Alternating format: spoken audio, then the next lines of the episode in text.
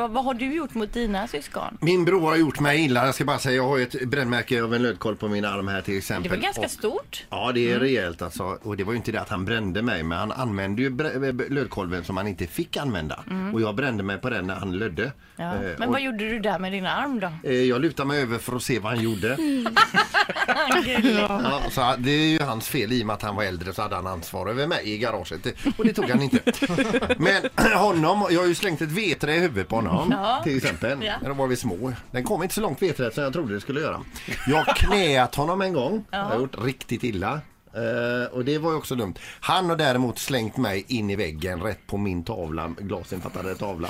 Så jag slog mig ganska illa. Men det värsta jag tror jag har gjort min bror, det var ju sådär hemvärnsungdom för många herrans år sedan. Var du det? Ja, Bevara oss. vi hade ju alltså riktiga uniformer då och var med i hemvärnet och med riktigt... Har du några bilder på det? Det är coolt. Och då, och då hade man ju riktiga gevär också.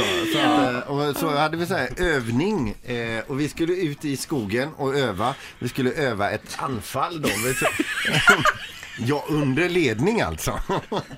Och det var ju det att vi hade ju våra eh, laddade bössor men det var ju alltså med skott fast med lösplugg så man har en grej längst fram på pipan så det bara sprutar ut träflisor. Men det, det smäller ju riktigt precis som vilket gevär som helst. Va? Och det var det, jag blir så, jag blev så exalterad av krigssituationen och jag tyckte det var så hemskt. För jag visste, vi visste ju inte vad fienden var. Så jag höll mig in till min bror precis hela tiden.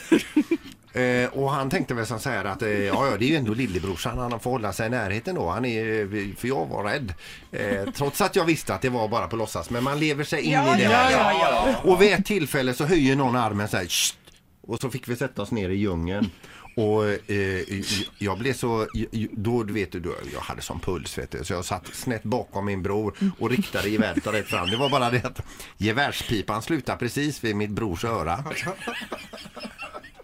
Och då sa eh, brorsan så här, okej Peter, du, du kan sitta där men vad du än gör, tryck inte av här. För du har eh, pipan precis vid örat. Nej, nej, nej, det, det lovar jag. Men du vet, jag tittar ju rätt fram. Och så hör jag en gren gå av lite längre fram. Och jag bara trycker av, vet du. Och han var lomhörd så länge Stackarn. efter det här. Alltså. Åh, så jävla bra. Vad roligt Linda. Hemvärnet, det visste du inte att han Nej, Nej, så alltså, kul. häromdagen fick vi reda på att du inte kan vissla. Igår fick vi reda på att du inte kan knyta skorna. Att du var med. Jävla bredd du har Peter. Ja, Ja. Ett poddtips från Podplay.